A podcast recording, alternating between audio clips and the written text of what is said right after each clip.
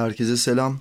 Süleyman Özgür ben. E, Şimdi arkadaşlar baştan şunu söyleyeyim. Hani benim kayıtlarımda e, bazı dış sesler duyuyor olabilirsiniz. Bunun sebebi e, şey, stüdyodan kayıt yapmıyorum ben. Kendi imkanlarımla derme çatma. Yani böyle taşı taşa sürterekmiş gibi düşünebilirsiniz. Bir kayıt yapıyorum. Ya işin açığı bu da benim hoşuma gidiyor. Yani böyle daha yaşar bir şey haline dönüşüyor. Bu benim naçizane benim fikrim bu. Kimisi onu tercih etmiyor kabul ediyorum yani. Daha pırıl istiyor kaydı böyle tertemiz olsun. Cildur yani ama ben o taraf değilim. Ben kuşak olarak bu radyo tiyatrolarının falan tam böyle son ucundan yakalayan bir kuşağım. Öyle şeyler vardı. Özellikle ses kayıtlarında eee, arkadan gelen seslerin insanın hayal gücünü arttırdığını düşünüyorum yani. Ha, gerçekten. Hani başka bir açıklaması yok. Ben öyle şeyleri çok seviyorum. O yüzden benim kayıtlarımı dinlerken e, şimdiden buna alışsanız iyi edersiniz. Ha, bu bölümde e, size Mavi Atölye'den bahsedeceğim. Ama Mavi Atölye'den bahsetmeden önce e, içimizden geçen yazla ilgili bir şeyler söylemek istiyorum. Bugün bir arkadaşımla konuştum. O bu konuda biraz konuşsan iyi olur gibi şeyler söyledi ama beni ayıktırdı yani. O sebepten e, ben de şöyle bir şey Şimdi arkadaşlar içimizden geçen yaz e, ben bunu iki manada kullandım. Bir tanesi gerçekten hayal ettiğimiz yani içimizden geçen yaz. Bir de argo manada içimizden geçen yaz. Yani ve bitmeyen bir yaz hmm, durumu var. Gerçekten neredeyse kış olmaz oldu malumunuz. Bitmeyen yaz hepimizin sorunu gibi bir şey oldu. Gittikçe de artıyor. E, Bu arada kitabım çıkmadı. Kitabın da adının içimizden geçen yaz olduğunu söylemiştim ama şu anda şunu düşünenler olabilir. Yani bu kaydı dinlediği zaman hani bu adam kitapta da böyle başına gelenleri mi anlatıyor falan. Hayır. O konuda size garanti veririm. Onu istesem de yapamam. Zaten e, yazabilsem anlatmazdım. Anlatabilsem yazmazdım diye düşünüyorum. Dolayısıyla ben daha çok kendimi yaptığım işlerde kurmacı olarak tanımlıyorum. Ben kurmacıyım yani. Hani anlatılmış bir hikayeyi ya da yazılmış bir kitabı, bir şeyi e, bir filme bir şeye falan dönüştüremem ben. Benim çok tarzım değil. Yapana da saygı duyuyorum. Ama biri bana bir şey anlattı diye ya da ben başıma gelen bir şeyi bunu işte başka bir şeye çevireyim, film yapayım falan. Ben öyle bir insan değilim. Dolayısıyla içimizden geçen yaz adlı kitabı aldığınız zaman da yanılgıya düşmeyin. Ha, tamam tabii ki beni ilgilendiren benim kafamdan çıkan şeyler ama benim başıma gelen şeyler değil. Orada yaşanmış şeyler yok. Dediğim gibi kurmacı. Kurmacıyım. Daha çok seviyorum bu kurmacı kafaları yani. Yani aslında daha mı basit, daha mı zor onu bilemiyorum. Orası biraz e, şaibeli bir konu. Neye göre zor, neye göre kolay. Ama mesela bir gün e, senarist bir arkadaşım otururken şey demişti. Oğlum yok mu böyle güzel bir hikayeniz ya? Biri bir şey anlatsın da yazalım falan gibi. Ya ben öyle bir insan değilim. O zaman da yüzüne değil ama arkasından size de anlattığım gibi giydirmiştim bir sürü. Lavuğa bak ya biz anlatacağız da o yazacakmış falan gibi. Neyse kitapta da e, kısaca henüz siz bu kaydı dinlediğinizde muhtemelen e, kitap çıkmamış olacak. Çünkü son konuşmamızda Nisan-Mayıs gibi bir duruma ertelendi. Her şey hazır. O da e, işte bir sürü sebepten öyle oldu. Bu kaydı dinlediğiniz zaman çıkmamış olacak. Ama yine de ben şimdiden söyleyeyim yani. Benim başıma gelenler falan gibi bir durum yok ortada. Daha böyle şey hani kurmaca hikayeler. Ne diyeceğim size bugün Mavi Atölye'den bahsetmek istiyorum.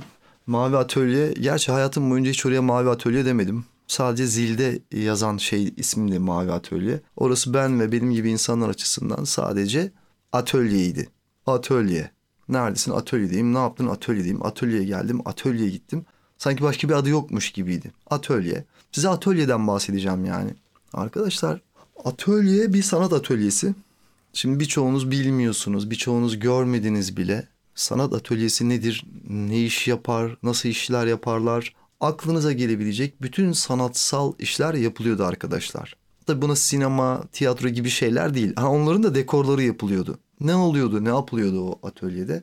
İşte seramikler, vitraylar, mozaikler, heykel, duvar resimleri, tiyatro, sinema dekorları. Daha aklınıza gelebilecek bu tarz bin bir türlü işin yapıldığı bir atölyede çalıştım ben yaklaşık 10 sene. Ustam Ferit Özen, yüksek ressam Ferit Özen. Hani bana biri e, sorduğu zaman sen hangi okuldan mezunsun falan ben Yek'ten mesela Mavi Atölye'den mezunum diyebilirim. Çünkü orası gerçekten bir okuldu yani. Ha benim için değil sadece. Herkes için yani almayı bilene. Çünkü Ferit abi inanılmaz Beyefendi inanılmaz yüksek derinliği olan bir insandı. O ve onun çevresi yani inanamazsınız arkadaşlar. Yani böyle her gün bir felsefe toplantısı, böyle bir felsefe e, muhabbeti vardı yani. Her konuda. Zaten herhangi bir şeyin normal hali konuşulmuyordu. Ama bunun için de bir çaba sarf edilmiyordu. Çünkü Ferit abi kendisi öyle bir adamdı. Öyle bir adam olduğu için kendi çevresi de öyle bir insan. Adamlardan doluydu, adamlarla doluydu. Ve inanılmaz şeyler yaşadık. Yani ben 10 yılımı orada geçirdim. Tabii şu anda birçoğunuzun bilmediği o kadar çok şey biliyorum ki yani işte vitray nasıl yapılır, mozaik nasıl yapılır, ne bileyim ayna nasıl dökülür gibi. Ee, işte duvar resimleri, tiyatro dekorları, yani strafor nasıl kesilir? Aa, aklınıza hayalinize gelmeyecek işler yaptık arkadaşlar. İnsan ister ki e, isterdi ki görselleri paylaşayım falan ama fakat o dönem bu cep telefonu denen icat yeni yeni bir şeydi. Ve biz o kadar da e, ya da işin heyecanıyla Ferit abi de öyle bir insan olmadığı için işleri belgelemedik. Ya yani uğraşmadık ya ne bileyim öyleydi o dönem. Şimdi mesela çok pişmanız. Ben ben pişmanım. Benimle beraber oraya girip çıkan insanların da hepsi hemen hemen hepsi pişman. Çünkü artık orada öyle bir atölye yok. Atölye e, modanın göbeğindeydi arkadaşlar. Hani aşağıda İSKİ'nin oradan yukarı doğru çıkarken moda havuza gelmeden önceki ışıklardaydı. Bu arada bak moda havuz diyorum. Bunu da e, anlayana söylüyorum yani. Bunu yeni modalılar bilmezler. O moda havuzun oraya gelmeden önceki ışıklarda gün apartmanı 151 numaraydı galiba. Oranın bodrum katı. Ya böyle bir şey olamaz. Zaten dışarıdan görme ihtimaliniz yok. Bir kat aşağı iniyorsunuz apartmanın içine girdikten sonra.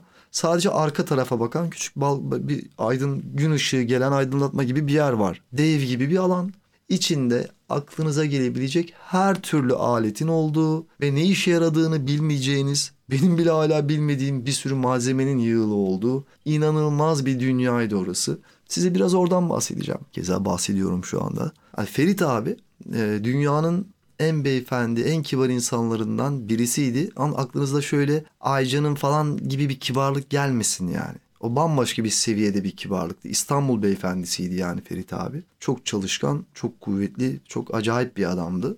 Bizim de yolumuz bir şekilde kesişti yani. Orada öyle bir işler yapılıyordu ki mesela ben girdiğimde oraya ilk adımımı attığımda yanımda da İlker vardı. Eğer bu kaydı dinlersen o da selam olsun. Oraya girdiğimizde Londra'ya bir iş yapılıyordu yani. Düşünün bu Tatlıcı Towers var ya şeyde Zincirli Kuyu'da. O tatlıcıların Londra'da da otelleri varmış. Onların oteline mozaik işi yetiştirilmeye çalışılıyordu. Biz o sebepten dahil oldum ben. Ben ve işte İlker o sebepten girdik. Daha sonra da çıkmadık. Yani benim bir 10 yılım zaten orada geçti. O Bodrum katında. Orada da inanılmaz şeyler yaşadık. Yani inanılmaz şeyler. Bazıları çok komik, bazıları çok trajik.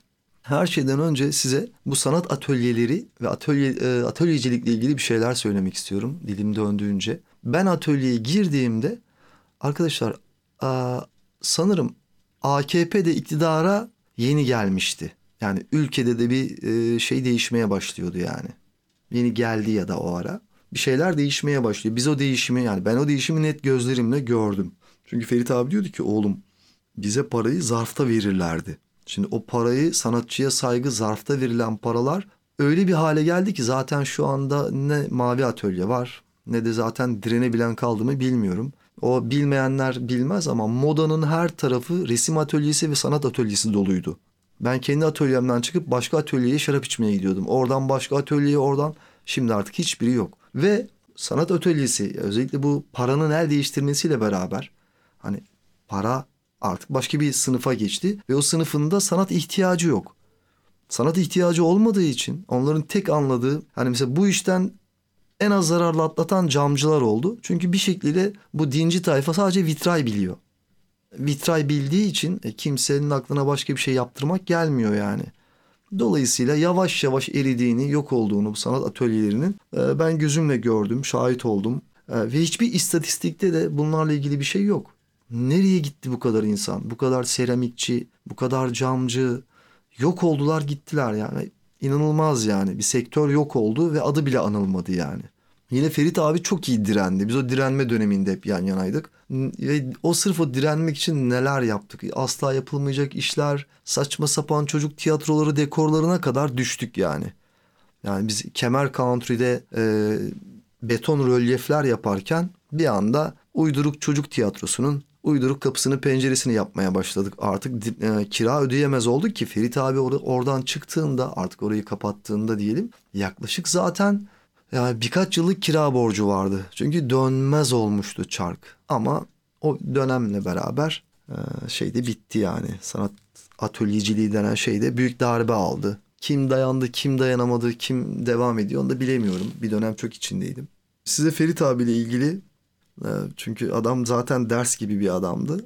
İlginç bir anekdot anlatacağım. Anlatacağım çok şey var ama bugünlük bir tane küçük bir şey anlatayım. Bir gün Ferit abi, e, bu arada eskizleri eliyle çizerdi Ferit abi e, doğal olarak.